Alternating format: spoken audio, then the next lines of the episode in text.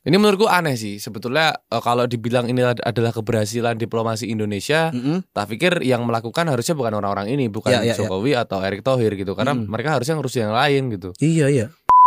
Eh, kenangan itu ya nggak bisa dibayar pakai apa pun. Kalau misalnya kita udah tua, peot dan mulai diserang sama penyakit yang namanya pikun, Aduh. seenggaknya arsip bernama podcast Oragol ini bisa didengarkan kembali untuk menghidupkan Iya, gitu kan iya, kenangan-kenangan mengingat-ingat ya. dulu. Iya gitu. Kayaknya rocker-rocker Bandung tuh mending aksi panggung aja lah gitu. iya jangan orasi, jangan jangan ini ya. Kadang ya kadang ya. kadang ini kadang salam salam gitu tiba-tiba kayak gitu.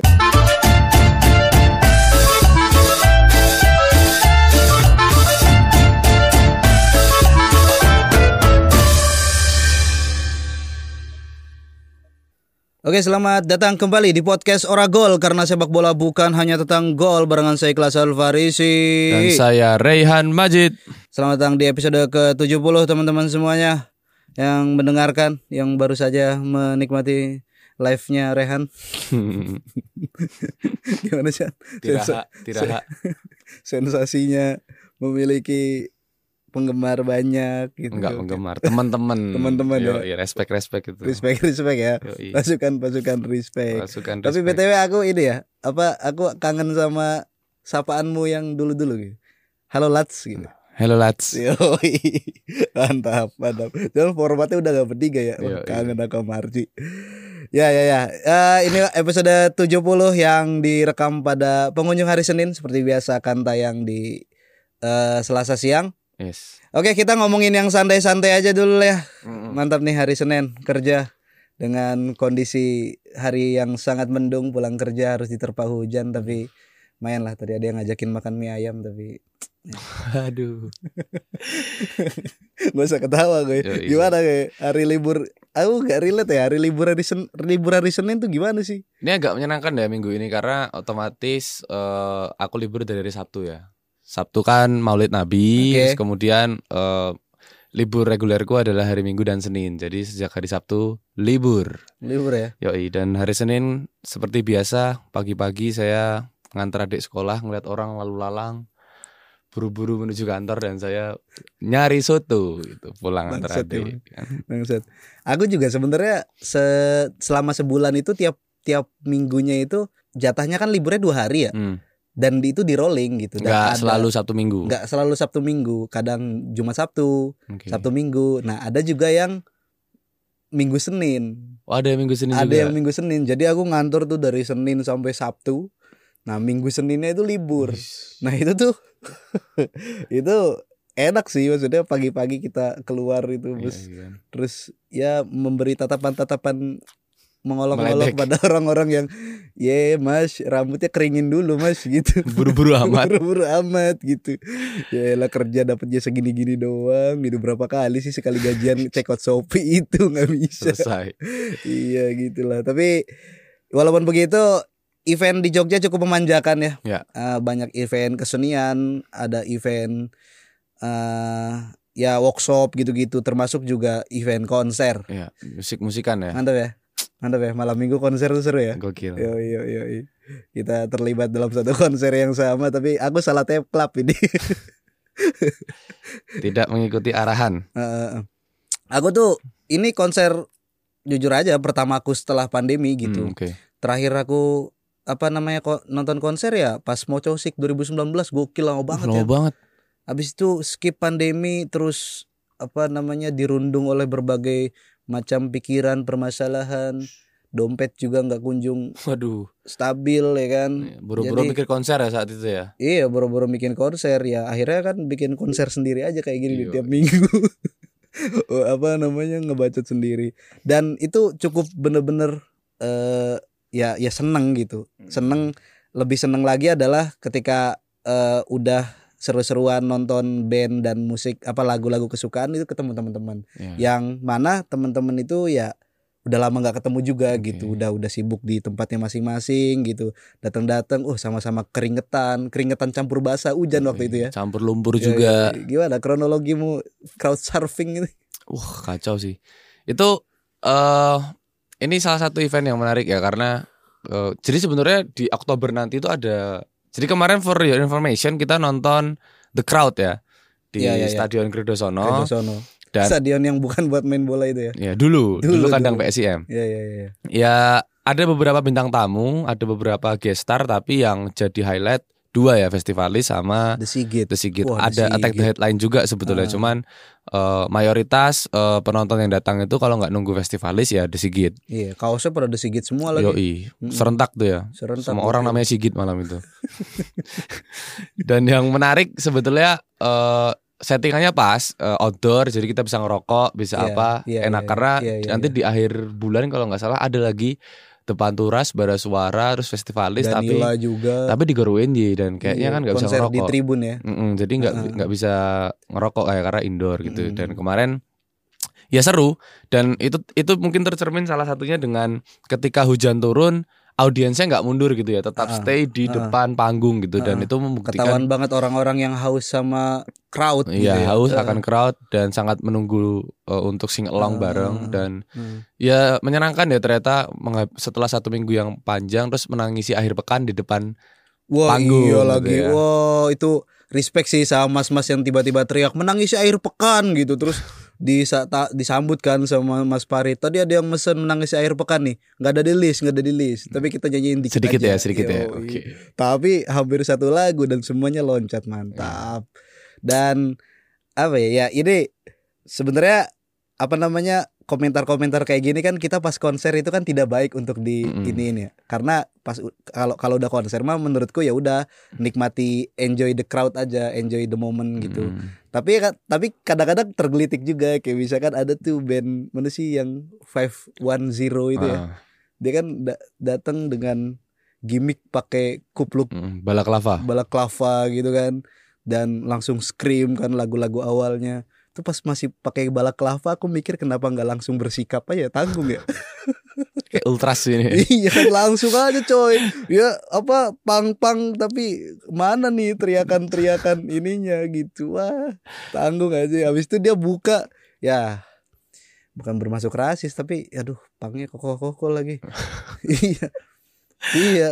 Makanya agak jauh dari realitas. tapi lagunya bagus. Bagus, bagus, Lagu, lagunya bagus, bikin kita apa terhentak gitu Iya. ya. Dedak- bikin wah, headbang ya. Bikin headbang, mantap.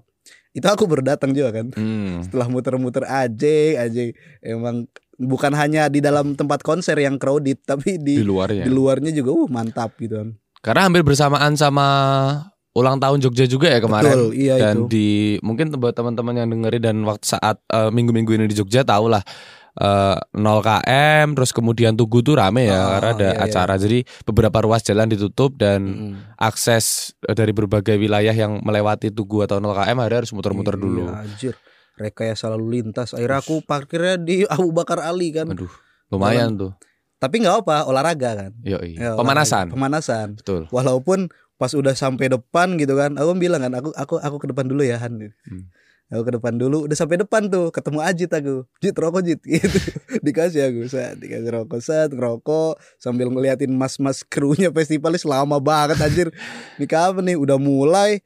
Lagu pertama sat sat sat sat sat sikut kan? Aku udah siap tuh apa namanya? Dengan ini- segala resiko ya. dengan segala resiko gitu kan udah siap nih. Wah kacamata udah mulai diamanin HP udah mulai dipegangin lah gitu. Wah udah udah diselip-selipin gitu kan. Aman pokoknya siap nih kesikut nih betak gitu kan Aduh. oh mas-mas yang lebih tinggi ya di situlah aku apa sadar ya pentingnya tumbuh tinggi gitu ya anjing anjing physical appearance ini penting ya. iya betul ya postur tubuh itu bukan cuma buat atlet tapi buat orang yang nonton konser kesikut kan bletak gitu kan adrenalin malah tambah terpacu Hmm. gitu kayak ayo oke gini 2019 terakhir kayak gini kayak gini Gas yuk. gas yuk gitu kan.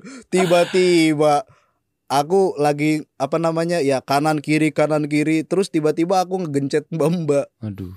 mbambanya lebih pendek Gak lagi sengaja dari aku tapi ya. Gak sengaja ya namanya the crowd, crowd. namanya juga the Iya. crowd Crowded pasti ya ya. orang ada yang ketonjok yang yang ditonjok malah mantap bro gitu malah ayo lanjut lagi gitu kan ya Gestur tangan Iya. gini ya. yoi gestur kayak gini gitu kan tapi enggak buat mbak mbak ini mungkin dia mikirnya nggak akan se-crowded ini gitu Oke. kan akhirnya dia aku ngelihat kayak sesak apa segala macem tiba-tiba ngejawil-jawil kupluk sweaterku Ah. itu loh mas mas keluarin aku mas gitu mas keluarin aku mas Ush. waduh wah iya belum aduh aku langsung keinget hashtag usut tuntas kan. Waduh, Desak-desakan kayak hampir gitu kan. mirip skenario nya Ya udah, ah, bentar Mbak, lagu pertama ya selesai ya. Aku lanjutin puas-puasin dulu kan.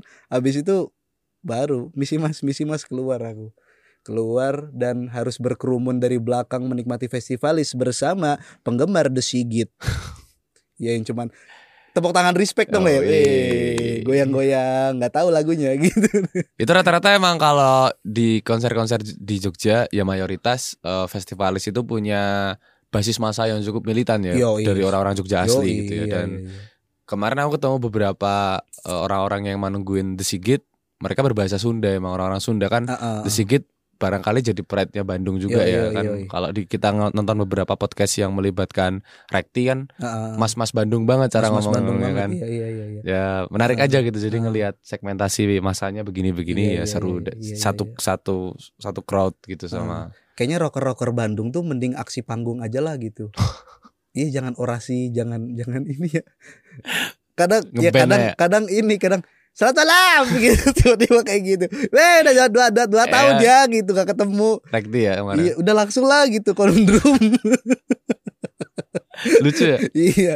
Ya tapi apa namanya ya namanya logat kan aku juga apa latar belakangku kan hmm. dari dari suku bangsa yang sama gitu ya. Tapi ya agak lucu aja gitu habis mantap-mantap kan lagu-lagunya The Sigit tuh almost Beatles banget kan. Hmm. ya mereka apalagi pakai bahasa Inggris juga kan Iya gitu. Kita pengen sing along bingung gitu pronunciationnya gimana nih? Salah nggak ya? salah nggak ya Salah nggak ya? ada yang merhatiin ini pengucapan nggak ya di Iya. sekitar kita gitu kan Iya. gitu. Dan namanya di konser ya kayaknya nggak nggak tahu sih. Aku, aku merasa eh semenjak aku suka sama musik-musik eh rock gitu, apa progresif rock, ya ya genre-genrenya kayak The Sigit, terus festivalis dan kawan-kawannya itu, aku merasa di beberapa circle itu apa nggak nggak keterima gitu loh Oh, iya. musik yang yang aku senangi. Akhirnya kan kalau kalau apa namanya kalau nyetel musik itu cuman sendirian gitu. Pa, nggak nggak ya nggak terlalu ada banyak temen yang yang punya selera yang sama. Hmm, oke. Tapi ketika datang ke konser itu kan wah anjir nih sama ini semua nih apa namanya aku pengen gini. Tapi tampilannya tetap pengen tampilan yang beda gitu. Pas sampai dalam konser ya anjing gitu semua. Sama semua. Sama semua gitu. Kita pengen tampil beda. Wah semua orang ternyata mikir kayak gitu pengen tampil beda gitu. Akhirnya seragam semua ya. Iya seragam kan. Apakah saya harus pakai batik kayak gini kan? Nunggu bara suara aja itu ya. iya oh iya ya Iga Marsardi rocker tapi pakai batik ya. Yoi. Iya mantap lah itu. Dan ya ya itu salah satu kesenangan yang yang mungkin eh, sebagai orang yang pas weekday-nya harus pusing-pusingan kerja, capek hati, capek mental itu cukup bisa eh, membuat kita ya healing mungkin Iya. Atau escape escape from Es- reality escape sebentar. from reality gitu walaupun kalau kata Mas Farid libur itu mitos gitu. Iya kan Betul. ada kan tulisannya kan libur itu mitos tapi ya setidaknya eh kalau pemahamanku kan libur kan pergantian kegiatan satu dari kegiatan yang lain gitu kan. Nah, kita gimana caranya ketika kita mengganti kegiatan kita yang lain dari kegiatan yang mainstream itu jadikan kegiatan itu semenyenangkan mungkin Iya. gitu kan.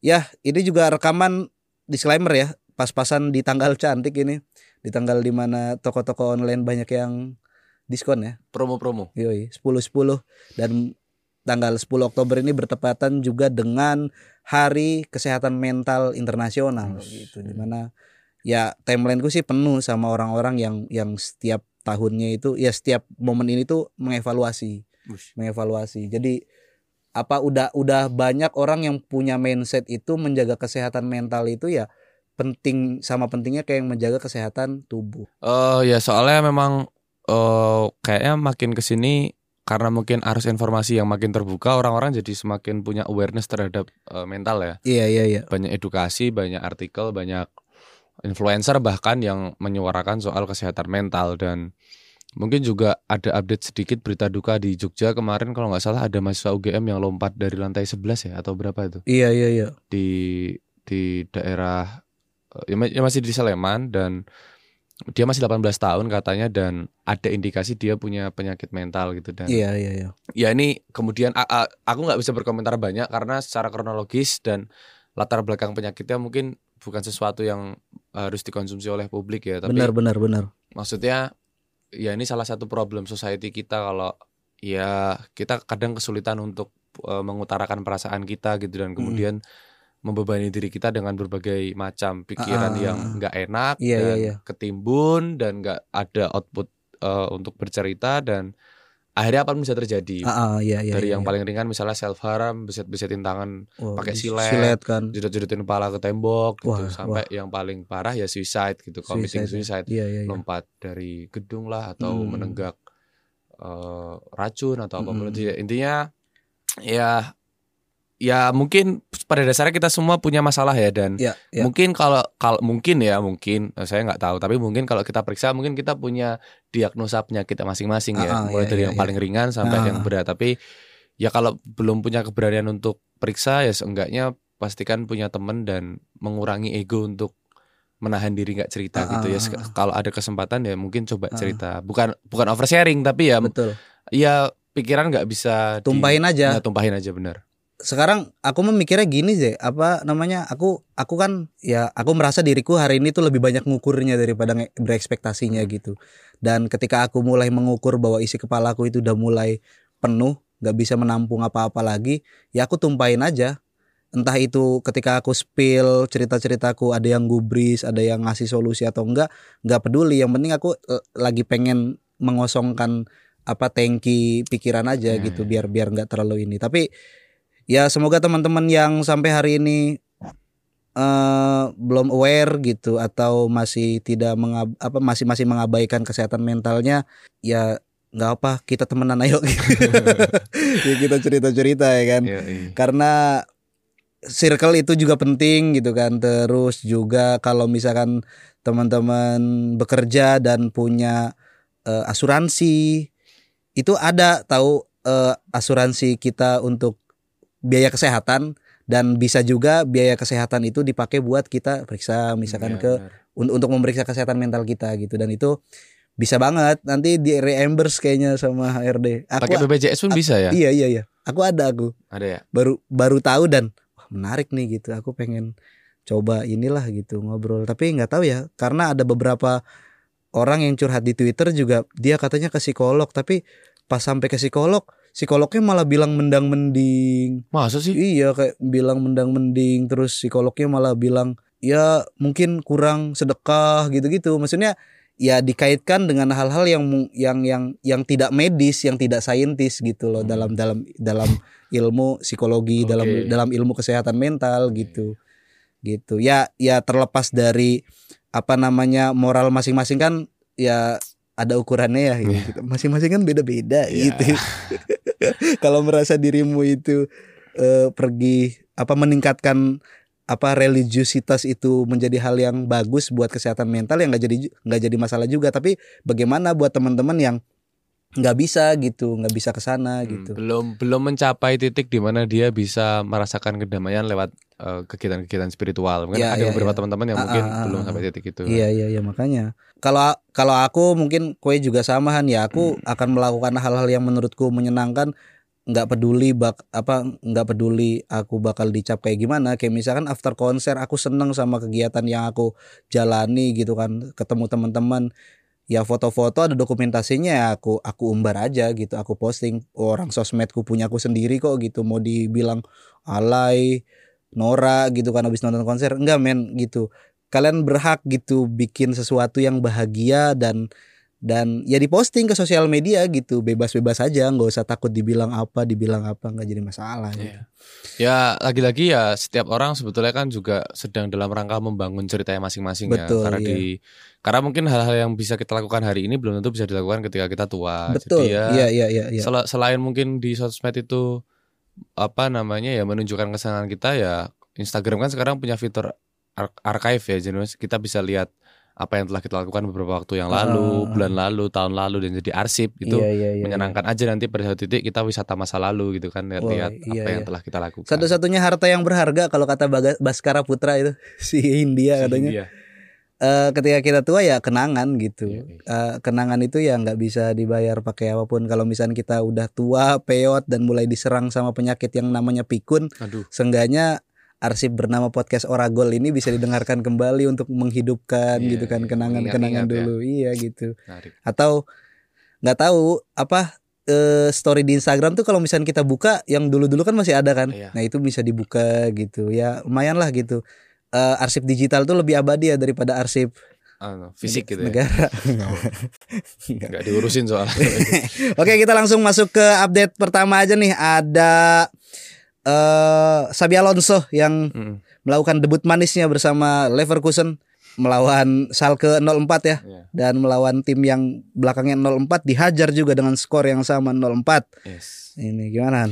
Ya ini uh, ada dua ada dua sisi ya kita lihat dari Schalke-nya dulu ya Schalke adalah apa pun ceritanya meskipun dia punya sejarah yang panjang di Bundesliga dia adalah tim promosi Betul. Dan memang secara materi di beberapa ulasan di Spieltag terutama Ha-ha. ya Spil- ya Schalke masih dipandang sebagai sebuah tim yang kedalaman skuadnya sebenarnya belum kuat-kuat banget gitu karena Iya, iya, iya. mereka masih punya beberapa masalah finansial. Tapi di sisi yang lain ini kayaknya Bayer Leverkusen mulai membangun momentumnya lagi ya setelah kemarin terseok-seok dan terdampar di peringkat 17 bersama pelatihnya Gerardo Seone dan Hmm, iya. atas hasil buruk ini kemudian Seone dipecat dan digantikan oleh pemain flamboyan yang sering menghiasi lini Iya, tengah iya, iya. beberapa tim-tim Salah satu besar. gelandang terbaik pada generasinya ya. Yes, Sabi Alonso gitu Xabi dan Alonso. Eh, kita bisa lihat Sabi Alonso nggak bisa kita pandang seutuh remeh karena apa pun ceritanya dia adalah orang yang pernah berguru pada seorang Jose Mourinho terus kemudian dengan Pep Guardiola Emang terus pernah ya Pep tuh di mana sih dia? di Bayern Munchen Oh iya, oh iya Ya kan? deng, iya deng. Dan ya dia pernah dilatih oleh uh, pelatih-pelatih beken dan mungkin itu jadi bekal yang bagus juga Mm, buat iya, dia iya. mengarungi pekerjaan barunya sebagai Betul, seorang betul, pelatih utama sebuah tim senior gitu dan ya hasil 0-4 ini jadi satu gambaran sih karena uh, problemnya Leverkusen juga soal mencetak gol ya dan 4 gol di laga debutnya barangkali spesial gitu ya Mm-mm. kita nggak bisa bilang Bundesliga adalah kompetisi yang mudah tapi best of luck buat Sabi Alonso lah Iya iya iya. iya. Eh, dan apa Sabi Alonso ini dibarengi dengan sorotan bahwa eh, outfitnya pelatih pelatih Spanyol sekarang iya, tuh keren-keren iya, ya iya, gitu. iya. Jangan pakai sweater. Ini kalau enggak pakai apa? Bukan hoodie apa sih? Ya ada ada ja- jumper gitu ya, Jumper, kayak jumper. Luis Enrique Iya. gitu-gitu. Jadi outfitnya simple dan tapi permainannya tidak simple gitu. Yoi. Pelatih Spanyol ini gitu. dia dia apa namanya tidak banyak Bapak-bapak keren ya. Eh, gitu. bapak keren. Potret-potret Iya, bapak-bapak iya, iya. keren gitu. eh, papa muda papa muda Papa gitu muda, ya. iya. Kita bisa lihat Luis Enrique, kemudian Xabi Alonso, Pep Guardiola, Arteta. Mikel Arteta. Iya ya. iya iya iya. iya. Dan sebetulnya ada Safi juga sih. Ada Safi juga Safi tapi juga, iya. mm, jelek. Ya. Nah, selanjutnya ini ada Iker Casillas yang Wah, baru kemarin nih, baru hangat nih bikin geger jagat media sosial. Yes. Dia nih nge-tweet ceritanya kan Hmm. bahwa dirinya itu eh, guys, aku pengen menyampaikan sesuatu gitu. Eh, dan ya yang apa apa yang mau aku sampaikan ini ya mohon dihormati. Aku gay. Dibales sama Charles Puyol. Sama Babang Puyol Charles. Santai brother, mari kita ceritakan cerita-cerita Kisah kita. Oh, orang-orang langsung pada, wih anjing. Baru emotnya kan love sama cium ya. Iya Dari iya iya Puyol. makanya anjing Puyol lo Casillas aku jadi eh, ya maksudnya oke terus ya oke dia minta dihormati apa namanya bahwa itu ternyata ya pilihannya. pilihan gitu kan pilihan dia kecenderungan dia kayak gitu dan sama orang kan mikirnya ya eh, ternyata pasangannya Puyol men gitu Puyol dan Garang gitu ya. dua kapten terbesar Iya. di masanya kan dari Real Madrid dan Barcelona ternyata dia menjalin cinta Yang gitu cowok kan. siapa ya kira-kira? tapi tapi tapi ternyata eh, Iker Casillas ini klarifikasi katanya twi- twi- apa twitternya dihack. Diretas ya. diretas ada kok diretas pri, apa tapi proper banget tuh kalimatnya tuh kayak bagus banget nih hackernya nih gitu. Kayak dia belajar ini deh belajar menulis kalimat yang benar gitu. Kayak beneran dari Casillas soalnya. Tapi dia bilang katanya twitternya diretas dan dia minta maaf atas kekeliruan ini gitu kan. Eh dan juga ya terutama dia minta maaf sama teman-teman LGBT gitu yang udah salah kaprah gitu. Waduh nggak jadi ngadvokasi gitu. Aduh nggak jadi nambah simpatisan nih. Heeh, nah, yang yang akhirnya tapi yang bingung juga ini si Puyolnya ini kan. ini Puyol ini apa nih ceritanya dia mungkin mau bersolidaritas ya kan. Nggak apa brother gitu. Santai aja kita gitu kan. Kamu nggak sendirian. Kamu nggak sendirian gitu. Ya, Tapi aduh kacau sih aku. Kalau jadi Puyol kayak Vespal pasti aduh gimana ini? Maksudnya dia udah bersolidaritas dan terindikasi karena aku ngeliat beberapa eh, tweet-tweet yang reply kayak ada yang bilang Uh, gue udah curiga nih sama Puyol kalau di Facebook kayak gay kayaknya emang ternyata beneran gitu. Maksudnya orang kan akhirnya menghubung-hubungkan ya. dan itu orang Indo. iya orang Indo. Nah, terus kemudian orang Indo. uh, Iker Casillas juga dikait-kaitkan dengan kalau dia udah lama cerai sama Sarah Carbonero gitu kan. Iya. Semakin memperkuat posisinya kalau uh, ini gara-gara gay kayak diputu- dia cerai gitu, gitu. Tapi Ah, ya apa pun ceritanya jadi anekdot akhirnya, jadi lucu aja gitu. Ini si iya. ya apa ya? Ya kasihan sih Puyol ya maksudnya. ah, aku nggak tahu ya apakah Puyol bilang atau nge-tweet seperti itu tuh mengindikasikan dia gay atau dia hanya bersolidaritas aja. Iya, Tapi yang iya. namanya netizen ya akhirnya udah menjadi mindset ya barangkali ya. mindset ya. Apalagi yang memang secara moral dan keyakinannya itu sangat anti terhadap itu kan. Yes, gitu. anjing kapten gua nih dulu nih gitu kan. Dan kapten kapten sepak bola, apalagi Madrid dan Barcelona, mungkin pandangannya kan maskulin Heeh. sekali ya. Iya, Kan- dua kapten di timnas Spanyol juga. Iya kan, Puyol berulang kali terlihat menjadi figur yang menyelesaikan berbagai hal-hal sia-sia di lapangan Yoi. kayak ngelempar korek lah, Mm-mm. menyudahi tarian-tarian dari pemain Barcelona lah. Iya, iya. dan iya. Iker Casillas yang selalu jadi orang paling depan ketika Heeh. timnya dirugikan gitu. Iya, Ternyata iya, iya, berdua iya. Saling mencintai gitu maksudnya. Ternyata tapi udah dikonfirmasi ternyata itu tidak benar gitu. kan. Puyolnya yang belum konfirmasi. Puyolnya, Puy- terjebak dia. Puyolnya lagi ini kayaknya lagi japri-japri ya. Nasu maksudnya toh? apa gitu? Iya. Piye toh? Weh. Gitu. Asu. Tak kira tenanan nyok. Ora-ora sakjane piye? Wis ora apa jujur ae iki japri. sorry. Heeh. Telegram. japri Telegram. dihack yol tenan dihack tenan iki yol wah aku wis speak up cuk Asu, asu. Tapi ya, ya ini jadi anekdot dan cukup menyegarkan timeline sih kalau kalau di Twitterku ya Iya, gitu. iya. Wah ini lumayan gitu. Terus ada kalau dari dalam negeri ini ya ada pamungkas tau nggak? oh iya pamungkas yang melakukan gerakan tambahan yang ah. tidak perlu ya Tidak perlu ya? ya kalau Ah. kalau di sepak bola kan eh, kalau di depan gawang nggak perlu gocek-gocek lagi Nggak perlu gocek-gocek lagi. finish aja Ah, gitu. finish aja. sama mungkin pamungkas ketika atau ada teman-teman performer yang lain ketika bawa HP eh, audiens penonton kalau Mhm. mau selfie langsung selfie aja nggak usah Selfie ada gerakan aja. tambahan apalagi Ah, kasusnya ini diusapkan ke kemaluannya gitu ah, ya. ah, ah, ah. Ya meski Iya, iya, aku aku dengerin klarifikasinya di Instagram yang berjilid-jilid Ah. itu titik-titik itu kayak ini berapa kalimat gak ada isinya gitu. Arbal dia. Habis ngarbal kayak. Arbal ya. Tapi dia bilang saya free gitu. Saya free ya. Saya kalau kerja nggak minum. Nggak minum ya. Saya sekali minum, aku masih ingat nih. Dia sampai sampai harus menjelaskan saya minum alkohol tuh terakhir tuh di Malang atau di Bandung gitu dia bilang. Karena dingin gitu. Oke oke. Kalau kerja saya nggak minum gitu. Oke oke oke. Iyalah. Berarti orang ini sadar aja udah aneh gitu. Apalagi nggak sadar ya kan. Anjing konklusinya ke sana bangsat. Kesimpulannya ke sana. Ya, Mas Pam ini cukup membuat fan-fansnya yang notabene adalah perempuan ya Takut ya mungkin ya. takut dan dia nggak habis thinking aja gitu. Oh, kok digosok-gosokin gitu maksudnya apa nih? gitu. Blunder ya mungkin hitungannya ya. Mungkin blunder gitu. Orang di Twitter juga menyebutkan bahwasanya Pamungkas telah mengakhiri karirnya sendiri gitu. Emang iya. iya. Oh gitu ya. Satu-satunya Pamungkas yang baik adalah Bambang Pamungkas. itu mulai keluar ya gitu-gitu. Ya.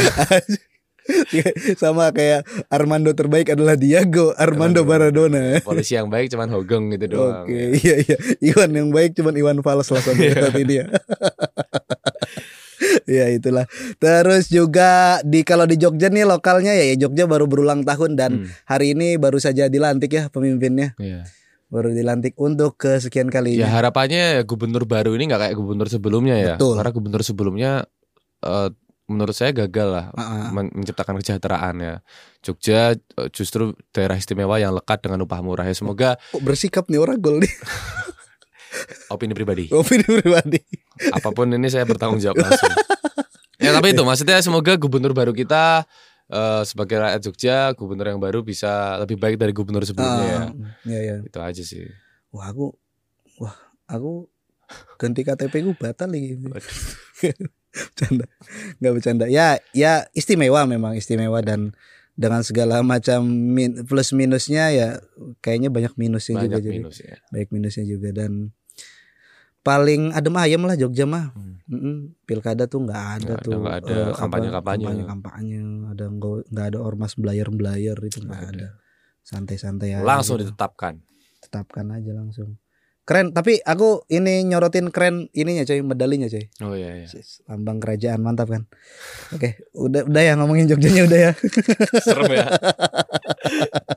Oke, lanjut ke pertandingan sepak bola. Ada ada beberapa pertandingan yang lumayan untuk kita highlight ya. Yang, pertama MU dulu lah, ya jatahnya Rehan lah.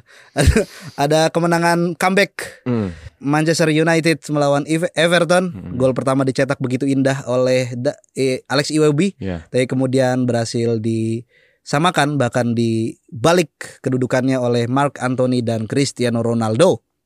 Ya, eh, menarik pertandingan kemarin. Maksudnya eh, kem- MU tuh sempat terseok-seok ya setelah kalah 6-3 dari City. Iya. Kemudian kemarin lawan Omonia juga bersusah payah. harus- Omoni itu Omonia. Omo tuh Omonia ternyata. Omonia gitu. Oke. Eh, tiga dua menang yang sangat butuh effort besar dan kemudian eh, harus melakoni laga yang cukup berat yaitu tandang ke Everton tapi ya sangat eh, beruntung mungkin ya bisa dikatakan eh, MU bermain sangat bagus bahkan di menit apa babak pertama MU sempat memiliki penguasaan bola 95% berbanding 5% dari Everton dan itu membuat MU bisa mencetak dua gol.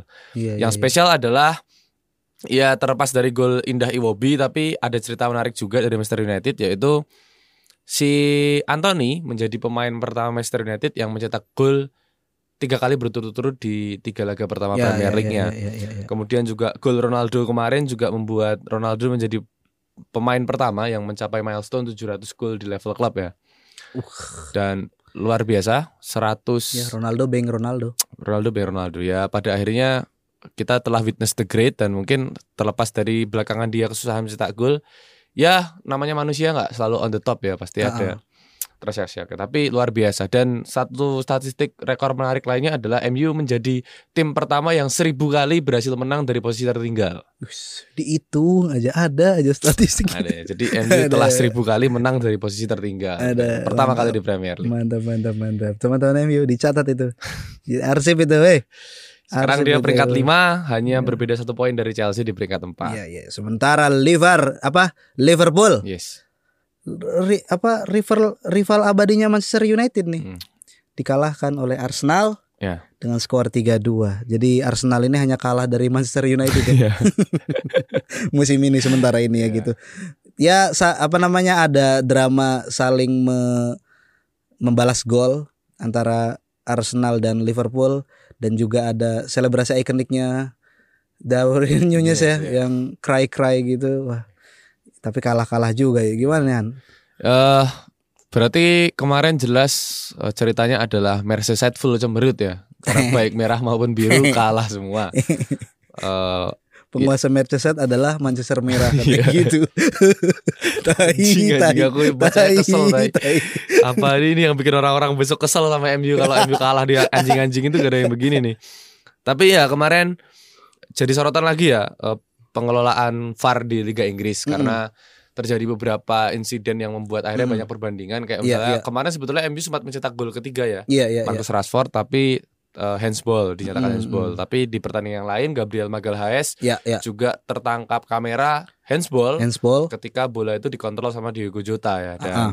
tapi nggak berbuah penalti padahal Ah. tuh di Kalau yang penalti. penaltinya Bukayo Saka tuh hands juga ya? ya itu hands itu juga ya? itu katanya tapi nggak hands dan segala macam Oke, ya. dan ya akhirnya orang mulai berspekulasi banyak soal Mm. VAR ini gimana sih gitu Iya. kok makin hari makin bermasalah kan kemarin juga sempat rame juga kan Ah, ah. sampai of, apa namanya badan wasit Inggris itu sampai turun tangan untuk Iya, iya. menginvestigasi Gokil ya. ya, TIGF tim pencari faktanya itu ya. Iya, Tapi iya. cepat mereka nggak sampai TP seminggu. TPF TPIGF apa sih? namanya? Tegif. Tegif. Thank God it's Friday. TGIF, T- T- TIGF. Ya apa sih itulah pokoknya. Tapi ya tadi Liverpool akhirnya sekarang bercokol di peringkat 10 Ah. dan ya terseok-seok lah hitungannya. Nah, ta- tapi ini ya Arteta nggak bahas VAR dia. Mm. Kalau dari MU aja wih, bahas VAR. Iya. VAR nggak adil. Lah sekarang ya, tim Anda menang bahas dong gitu, fair dong. Ya itulah. Arteta. Kadang kalau kita lagi enak tuh lupa dunia. Dan mungkin ini ya mulai banyak orang yang taruhan bahwa Arsenal ini akan memimpin puncak klasemen Liga Inggris ini sampai bulan apa gitu. Oke. Ada yang bilang ya Desember juga paling tumbang lagi gitu. Januari nih enggak lah Februari katanya gitu. Ya tapi kita nggak tahu lah karena ini akan jadi musim yang sangat berbeda karena nanti bulan depan semua sepak ya. bola di dunia akan mungkin akan terpusat semuanya ke Qatar ya. Diliburkan ya berarti. Haya-haya liburkan semuanya. Terus ada Man City eh, yang berhasil mencukur Southampton dengan skor 4-0 lagi-lagi Halan. Halan dibikin petisi ya sama fans fans di Inggris ya. Hmm, boleh Untuk- main. Iya. Aja lucu banget dah. OP. Dibikin petisi untuk mengeluarkan Halan dari Premier League gitu. Kok Kacau bisa? sih emang. Maksudnya ya itu adalah salah satu bentuk bisnis yang bagus dari Manchester City ya. Ya ya ya. Eh, membeli Halan 60 juta doang kalau nggak salah Ah. ya. Dan itu bergen yang sangat bagus karena Halan langsung bisa nyetel sama skemanya City. Karena Ah. ya pemain kayak Halan dimanjakan orang-orang kayak Bernardo Silva, Betul. Kevin De Bruyne, terus Betul. kemudian Ilkay Gundogan, Ah, ada Joao Cancelo, orang-orang yang rajin dan eh, pintar mencari celah dan ngasih umpan-umpan Ah. enak ya udah enak Kalau banget. misalkan Halan lagi buntu, suruh ambekan dulu, sebelum mikir gitu. Biarkan Jack rilis gocek-gocek dulu Ya, gitu. biarkan si badut beratraksi. Tar dulu coy, buntu. Grilis. Iya. iya. Mainkan. Dia, dia gocek-gocek. Iya, iya, iya, iya, iya, iya, iya, iya. Itu sebenarnya ini mengulur waktu sih Iya. biar Halan tuh ngisi itu cak- bagian dari permainan juga. ngisi cakra lagi gitu kan. Dia dia kayak apa sih kayak Sunggoku kan gini. Hmm, Lama ya? Lama kan. Hmm. Lumayan lumayan lama. Terus ada Chelsea yang kalah eh menang menang sorry Hmm. 3-0 melawan Wolves dan kalau aku nge-highlightnya di pertandingan ini ada eh, Diego Costa yang diganti di tengah pertandingan dan kemudian diberi applause oleh para pendukung Chelsea karena mungkin dianggapnya legenda ya. Ya, dia jadi salah satu figur penting di masa awal-awalnya Antonio Conte ya. Ah, ah, ah. Dan ya dia bilang saya meninggalkan Chelsea bukan karena saya dibuang tapi saya sudah memenangkan segalanya dan saya pergi. gitu. Ih anjing. Tapi apa pun ceritanya kalah 3-0. Iya iya iya. iya. Dan menarik juga tadi sedikit soal City, City jadi satu satunya tim di Premier League yang belum terkalahkan ya. Ya ya ya. Dia masih unbeaten sejauh Ya, ini. kira-kira siapa yang bisa mengalahkan eh, City dan bisa menjadi men- menjinakkan Halan? Iya iya karena susah Siapa men. ya? Iya agak susah dan ya apa namanya kalau udah OP gitu di kompetisi domestik kan akhirnya levelnya naik ya seberapa bisa kemudian Manchester City, Manchester City itu berbicara banyak di Eropa. Eropa di Champions League ya dan dan sejauh ini sih masih mulus-mulus saja kita belum tahu nih ke fase-fase selanjutnya. Kemudian ada di La Liga ada Barcelona yang menang tipis 1-0 melawan Celta Vigo dengan permainan yang enggak banget. Wah anjing Safi nih gimana ya? Kenapa tuh? Maksudnya kedalaman squad udah ada. Pas musim kemarin aja dengan squad yang dalam tanda kutip seadanya dia bisa nih gitu. Tapi pas sekarang dia kayak kehabisan Akal. taktik, keba- kehabisan akal gitu kayak nggak punya nggak berhasil memahami potensi besar dari para pemainnya yang penuh dengan talenta gitu kan. Hmm. Artinya kan kalau pemain penuh dengan talenta itu kan opsinya banyak gitu kan. Kalau nggak bisa pakai plan A ya pakai plan B segala macam. Tapi ketika ada kebuntuan ini kayak kayak susah mikir gitu staff kepelatihannya Safi dan Safinya juga ini gitu. Hmm. Wah, agak sulit sih. Apa dia ini ya? Pakai sweater dalamannya udah baju Barca gitu. Siap main juga. Iya. anjing aing aing lah lumayan lah anjing lah. Gitu mikir mikir taktik tuh susah men gitu kayak gitu. Padahal dia bikin YouTube gitu, bikin taktik-taktik. Oh dia bikin YouTube ya? Iya kan. Hmm, Safi official. Iya, iya. Powered Cara by bermain dengan 4-3-3 gitu-gitu terus dia gini apa wah. Ya bikin YouTube aja kayaknya Villa. powered by close the door nggak itu? Iya. Kayak kayak depannya kasih Afif aja nih. Afif Safi. Terus ada Getafe yang kalah oleh Real Madrid. Real Madrid pun sampai saat ini di La Liga belum terkalahkan ya. Iya, iya. Dan ya terpaut satu angka apa Barcelona pokoknya Barcelona tuh Imbang, gara- imbang, sama sama angkanya. sama, sama ya malah. ya? poinnya sama, Poinnya sama ya. tapi eh goal difference-nya bagus Barcelona. Ya ya ya ya. Terus ada juga eh, hasil Serie A. Heeh. Juventus yang semakin tolol. Semakin remyu. Iya iya. Terakhir dia kalah dari Milan 2-0 dicetak oleh Tomori dan Olivier Giroud. Hmm. Ini Juventus nih salahnya apa ya? Dan Milan ya makin konsisten ya. Ya, Milan ya sedang sedang membangun momentum ya setelah musim Hmm. lalu juara dan mereka mulai menemukan eh, orang-orang yang benar di posnya masing-masing gitu. Iya, ya. iya, penting ya nih ya orang-orang yang benar di pos-posnya itu Ya, penting. ya oke, itu kalimat itu sangat penting sih Iya, akhir-akhir ini untuk iya. ditekankan. Karena ketika pos-pos itu diisi orang-orang yang nggak jelas, gitu, Iya. apalagi ngaku-ngaku keturunan luar gitu. Kok keturunan? Lah, Emang iya bener. Iya, ya misalnya. Tahu aku. Ya, Tapi tapi jangan bahas itu dulu nih. Kita pengen bahas Napoli dan regen-regennya yang masih belum kalah anjir Hmm. ini. Terakhir dia menang 4-1 lawan Cremonese. Ya. Nah, pertanyaanku adalah eh Napoli, yes. Atalanta ya, Atalanta sosok lah. Udinese Oh iya. itu dominan coy. Iya, iya. Di pekan-pekan ya? terakhir ini ya di di di Serie A gitu. Hmm. Pertanyaanku adalah apakah dominasi Napoli dan Udinese ini adalah ayun buaya, buayan zaman, buayan fantastika. Hits namun kids ya. It's namun kids sih. si Kim Min Jae ini. Jadi ini menarik ya eh, sampai sejauh ini Serie A tiga besarnya dipimpin oleh tim-tim yang di luar tradisi Serie A ya. Biasanya kan kalau nggak Ah. Juve, Inter, Milan gitu kan. Ini Ah. sekarang yang isi ada Napoli, Atalanta, kemudian Udinese. Udinese loh. Udinese. Kok bisa dia masuk ke atas? Kok Hmm. berarti kan bagus pengelolaan klubnya kayaknya. Iya, timnya para Udin ini ya. Bagus maksudnya eh terutama soal Napoli ya. Napoli ini luar biasa. Mereka musim lalu ditinggal orang-orang penting ya, seperti Lorenzo Insigne, Mm-mm. Dries Mertens, Ah, ah, Kalidou Koulibaly. ah. dan dengan tim barunya dengan uh, Kvaratskhelia terus Ah. kemudian ada Di Lorenzo Kim dan Min Jae. Kim itu Ah. mereka justru bisa merajai Serie A dan Iya iya. bahkan di pertandingan terakhir Liga Champions membantai juara Belanda Ajax Ah. Amsterdam Ah. di kandangnya 6-1 kalau nggak Ah. salah. Apakah sekuat itu sugesti stadion Diego Armando Maradona? Setelah ganti nama nih Setelah agak ganti nama ya. Tapi highlight penting juga diberikan kepada Luciano Spalletti ya. Ah iya pelatihnya Ya, itu kan. eh, dia sebetulnya dinilai pelatih yang potensial membawa beberapa tim juara gitu. Tapi Ah. memang pada masa-masa dia eh, keren-kerennya juga ya saat itu Juventus lagi keren-kerennya juga Ya, gitu. ya, ya, ya, Enggak ya berapa kali di juara berturut-turut OP kan. itu. OP, Hmm. siap. Aturan fans Serie A tuh bikin petisi tuh untuk ngeluarin Juve dari Serie A waktu itu ya. Iya, ke seri B aja udah. Kita lanjut ke eh, isu luar lapangan. Ya. Ada ya aku bahas kronologinya bahwa di hari Sabtu apa hari Jumat ya. Ada Presiden Jokowi lew- lewat akun Instagramnya itu menyampaikan eh, satu informasi yang penting kepada seluruh masyarakat sepak bola Indonesia bahwa akhirnya eh, tragedi Kenjuruhan tidak membuat Indonesia disanksi oleh FIFA.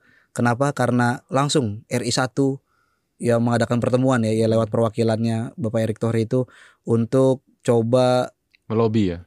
ya satu melobi dan pada pada kesimpulannya akhirnya FIFA justru akan datang sendiri ke Indonesia, Lord emang Indonesia nih coy. datang sendiri ke Indonesia untuk memberikan penyuluhan, untuk memberikan eh, sebuah ya me- me- menanamkan sebuah sistem gitu, terutama ngomongin soal security, Hmm, ya keamanan stadion, Proyek gitu kan. nih Riz, proyek nih. Eh, proyek ya? Proyek. Masa kita nggak masuk kumparan ini? Enggak lah ini proyek Brilio Pesta Bola aja dah. ya ini Ntar dulu coy belum selesai. Intinya apa FIFA akan akan menanamkan sistem gitu kan dan Hmm. melakukan penyuluhan terutama ya klub-klub akan dilibatkan dan supporter Oke. akan juga dilibatkan dalam rangka edukasi gitu kan dan lain sebagainya lah. Nah, eh, tontonlah di pengamat sepak bola tuh banyak tuh detail poin-poinnya. Tapi yang kemudian menjadi sorotan Hmm. dalam eh, konf- bukan konferensi persi ya pernyataan pernyataan terbukanya itu Jokowi di di videonya itu Bapak Jokowi tidak menyebut sama sekali kata PSSI di dalam pernyataannya. Ya, ini akhirnya membuat publik bertanya-tanya sebetulnya PSSI ini ngapain tugasnya gitu karena ini menurutku aneh sih sebetulnya eh, kalau dibilang ini ad- adalah keberhasilan diplomasi Indonesia, Mm-mm. tak pikir yang melakukan harusnya bukan orang-orang ini, bukan Ya, ya, ya. Jokowi atau Erick Thohir gitu karena Mm. mereka harusnya ngurusin yang lain gitu. Iya iya. Ya BUMN ya itu coba tuh diperhatikan Pertamina itu kayak mana itu kan Nah, ya ya. bensin masih belum eh ya aksi teman-teman kemarin coba direspon lah. Seenggaknya didengar lah. Ini bensin mahal ikut mahal semua kan. Harusnya konsennya ke situ. Presiden Jokowi saya rasa juga punya banyak eh, problem yang kayak perlu punya porsi pikiran lebih ya. Dan Iya iya iya. kan sepak bola sudah ada yang mengurus ya Ngurus, iya. PSSI gitu. Ah, ah, ah. bahkan Mahfud MD selaku ketua tim gabungan independen pencari fakta TGIPF Tinggi tinggi TGIP tes gratis Frida. Dia bilang eh, saya kalau mau dan tim kalau mau lebih jauh eh, melihat PSSI susah karena mereka kan Mhm. punya punya apa namanya sesuatu yang nggak bisa disentuh langsung ya karena FIFA kan nggak membolehkan sebuah federasi kan dicampuri oleh negara pemerintah gitu ya jadi Iya iya. Nah, nanti nanti aku mau, pertanyaan sambungan tapi selesaikan dulu gimana. ya akhirnya itu maksudnya dengan segala fasilitas dengan segala instrumen dengan segala kemudahan dan privilege yang dimiliki PSSI masa nggak Heeh. bisa Heeh. ambil bagian penting dalam menyelesaikan kasus ini Iya. oke lah kalau kita bilang eh, ya kita apa ceritanya aku ada ada senangnya juga sih kita nggak disanksi karena ya timnas kita juga sedang membangun Iya iya. merintis squad iya, yang betul, yang betul. yang proper gitu ya. Mm-mm. Oke ini berita menyenangkan tapi ya kanjuruhan nggak boleh selesai isunya. Ini harus tetap tuntas Betul gitu. betul betul. Meskipun sudah ada penetapan eh, beberapa tersangka, Enam tersangka. ya ada kemudian eh, satuan polisi yang juga udah minta maaf, ya, tapi nggak bisa selesai. Sujud sahwi. Sujud. gitu. Sujud sahwi itu? Apa itu? Sujud sahwi kan dilakukan ketika kamu lupa melakukan sesuatu atau melakukan kesalahan di Kelalaian dalam gitu. rukun sholatmu itu. Jadi waduh lupa aja nggak Sujud. baca ini gitu sujud Ya itu akhirnya sujud sahwi. Ya, aku melihat mm, kalaupun ini disebut sebagai keberhasilan diplomasi untuk menyelamatkan eh, sepak bola kita dari sanksi, ya tetap menurutku ini nggak nggak benar aja secara prosedural. Kenapa orang-orang ini yang yang ngurus gitu? Ya pertanyaanku adalah apakah ini bagian dari intervensi pemerintah terhadap federasi sepak bola di satu iya. negara? Mm. Dan itu kan nggak dibenarkan ya. Tapi Nggak FIFA dibenarkan. tetap tetap ini ya. Nah, makanya yang menarik adalah kita melihat latar belakang seorang Erick Thohir ya. Erick Oke. Thohir itu kan seorang pengusaha yang pernah memiliki saham di Inter Milan Sepak ya. terjangnya dan namanya juga udah udah cukup dikenal ya, Ya. di di Eropa ya. Yes, dan di Inter Milan dia sempat berbagi kepemilikan dengan Gianni Infantino sebetulnya. Ya ya ya. ya. dan pada saat itu eh, Infantino juga sebetulnya seorang fans Inter Milan Mm-mm. gitu. Jadi ada kedekatan-kedekatan yang mungkin dimaksimalkan oleh Erick Thohir gitu. Nah bro kita sama-sama kenal lah, tahu lah, nggak usah ke mana-mana nih isunya. Tapi ya pertanyaannya, kalaupun Presiden Jokowi mengutus delegasi ya berarti nggak ada orang PSSI yang bisa dipercaya untuk ngurus ini gitu kan? Iya dan dan dan nggak ada keterlib apa nggak ada kata-kata PSSI sama sekali di pernyataannya Pak Jokowi itu mengindikasikan kan ya orang banyak bilang PSSI nggak diajak nih Iya. di proyek ini PSSI nggak diajak dan perasaannya bapak-bapak itu gimana ya Pak Iwan Iya. apakah mereka ini dulu sedang kan punya tim investigasi lagi menginvestigasi hal yang paling fundamental dulu menginvestigasi Iwan Bule Iwan Bule ini bulenya dari mana ini Dari Apakah- keturunan mana ini? Iya kan tidak bermata biru. Iya, tidak berambut pirang. Tidak ber ya kalau rambut pirang kan Iwan blonde. Oh iya. kalau mata biru kan Iwan Kaukasian apa Iwan Jermanik gitu. Iwan Mana ini, Iwan Neanderthal. Iwan mana nih gitu. Iya, terus ada ini juga kan kayaknya Pep, bawa PSSI ini ada Bapak siapa sih yang yang debat sama Bung Toel itu? Oh, yang Asprof Jawa Timur ya? Iya, Bro Jawa Timur. Kan aku ngel- Bung Towel dilawan dia bisa debat 90 menit tuh bisa Hmm. dia orang dia. Wow, wow, jadi dia ngo apa Bung Towel ngomong Fafifu Fafifu terus dijawab gitu. dijawab terus jadi apa namanya perdebatan ini jadi kayak suaranya tuh jadi Iya, kayak tabrakan tabrak-tabrakan. tabrak tabrakan gitu loh. terus ngeliat ya ampun baik yang ledekin gitu katanya Pak kalau mukanya muka jahat kelakuannya jangan jahat gitu. Minimalisir lah itu Iya. Stigma orang ya. muka jelek boleh tapi jangan opininya juga yang jelek gitu Ya, eh, tapi ada ada kabar aba- ada kabar juga dari lokal nih, Riz. Jadi Oke. eh, ada beberapa teman-teman yang kemarin eh, kontakan sama aku. Eh, mereka ngabarin bahwasanya teman-teman dari beber- beberapa elemen supporter di Jogja telah meninggalkan atributnya untuk bersama-sama nyegel kantor Asprof PSSI Jogja gitu. iya iya dan fotonya tuh beredar ya di media Ya, sosial ya dan ya football reflects society ya. ya ya ya, ya. Jadi ya melihat cara PSSI selaku otoritas kita dalam menangani kasus ini sebetulnya merefleksikan ya negara kita, mas- kemasyarakatan kita gitu ya. Kalau emang negara ini tuh amburadul gitu, banyak orang-orang yang tidak bekerja di koridornya justru ngurusin sesuatu yang di luar koridornya gitu-gitu. Oh, oh, Dan oh, oh. ya akhirnya orang bertanya-tanya ini emang sebetulnya eh inisiatif kerja atau karena menjelang 2024 akhirnya ini jadi kerja-kerja pencitraan gitu loh. iya iya iya Ya ya ya miris aja gitu. Setiap asprof tuh harusnya punya sikap juga gitu loh. Mm. Oh. apa ya perasaan mereka ketika ngelihat videonya Jokowi itu ya nggak nyebut-nyebut PSSI sama sekali Iya. nggak diajak perasaan mereka gimana ya nggak Ya, nggak dan nggak ada keinginan buat mundur gitu ya ya itulah dikatakan sadar diri juga nggak nyadar diri gitu. Iya. Ya. Terus ngelihat ada update-update supporter pada damai gitu nggak cuma di Jogja tapi beberapa kota lain juga ada exco namanya Jamal Ajis. Wih, kenapa ya? Exco PSSI. Supporter jangan didamaikan kalau damai nanti di lapangan tidak seru dong. Tuh men, gimana nih men? Wah. Gimana kok kamu kayak pemerintah Hindia Belanda? Mengadu domba. ya itu dia. Ya, maksudnya apa ya? Eh, Ya ini lagi-lagi menunjukkan eh, tadi di live aku juga bilang ini menunjukkan wajah pengelolaan sepak bola kita. Maksudnya ya itu sangat mengindikasikan sepak bola kita diurus oleh orang-orang yang nggak kompeten di bidang ini gitu. Akhirnya Hmm. opini yang keluar opini-opini jelek gitu. Iya iya iya. Ya perdamaian jangan dimatikan gitu, tapi Hmm. yang yang mungkin dihidupkan rivalitasnya. Oke. Rivalitas mah emang harus dan Mm-mm. keren gitu kan kelihatannya ya, Iya. keren ya gitu kan Mm. bahwa kamu punya tim kesayangan dan kamu ngedukung eh, mendampingi terus-menerus timmu agar men- apa sampai bisa mencapai prestasi terbaik ya itu penting gitu kan. Dan rivalitas misalkan banter gitu kan. Hmm. nggak apa-apa juga gitu, tapi kan jangan meng, meng- apa banternya jangan banter dengan kekerasan gitu kan. Udah udah nggak bisa lagi. Soalnya udah udah adem nih enak banget gitu manis banget lah ngelihat timeline teman-teman Yogyakartans gitu Iya, kan iya. ter apa bikin tweet, wih aku melaku melaku nganggo kaos PSIM ning Sleman apa nggak diapa-apain malah disapa gitu terus dia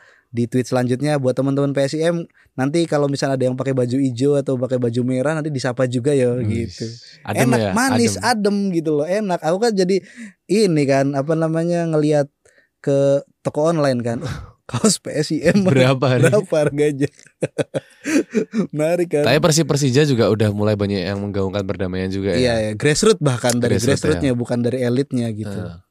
Ya, ini kita tinggal nunggu aja sih sebetulnya eh, sampai mana eh, kasus kanjuruhan sih yang menurutku tetap harus jadi titik fokus. Oke, Ah, ah, ah. kita dapat jaminan misalnya untuk tidak disanksi, oke, tapi kasus kanjuruhan tetap harus berlanjut gitu. sih. Iya iya iya. Ada apa namanya update juga polisi mengakui bahwa gas air mata yang dipakai di Kanjuruhan itu adalah gas air mata yang kadaluarsa. Terus mereka tapi mereka eh, mengklaim bahwa 130 something yang meninggal yang gugur dibunuh dalam stadion Kanjuruhan itu bu- bukan meninggal gara-gara gas air mata tapi karena kekurangan oksigen. Iya kekurangan oksigennya kenapa awalnya itu loh cara mikirnya kok parsial gitu sih. terus terus ada apa namanya tim investigasi dari bapak-bapak polisi menemukan adanya be- beberapa botol minuman keras. Hmm. Sementara dari koalisi masyarakat sipil yang tim investigasinya yang bareng Pandit, bareng teman-teman supporter juga bilang bahwa di proses pertandingan itu ketika penonton masuk itu jangankan botol miras ya, parfum aja di langsung disita gitu. Jadi bagaimana mungkin gitu botol miras itu bisa Masuk. masuk gitu. Ya, ya nanti kita langsung adu aja kebenaran mana nih, kebenaran versi mana nih yang ini apa namanya, Valid. yang valid gitu kan? Karena ada beberapa komandan-komandan juga yang bilang kita nih sebenarnya nggak dikasih tahu kalau kita kita dikasih tahu gitu, itu nggak bakal terjadi kejadian itu lah.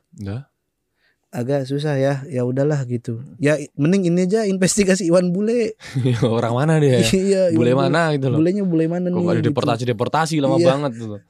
Iya, Izin tinggalnya apa ini kan? Iya ganti Iwan Foreigner gitu aja lah ya ya ya semoga eh, kasus kanjuruhan bisa benar-benar ditemukan gitu kan investigasinya berjalan dengan lancar dan diungkap sebenar-benarnya sesuai Yes. dengan amanat dari Bapak RI 1 dan juga ya ini PSSI udah nggak dilibatin kapan bubar nih Ya, bubar aja udah. sampai jumpa di episode selanjutnya bye bye Bye.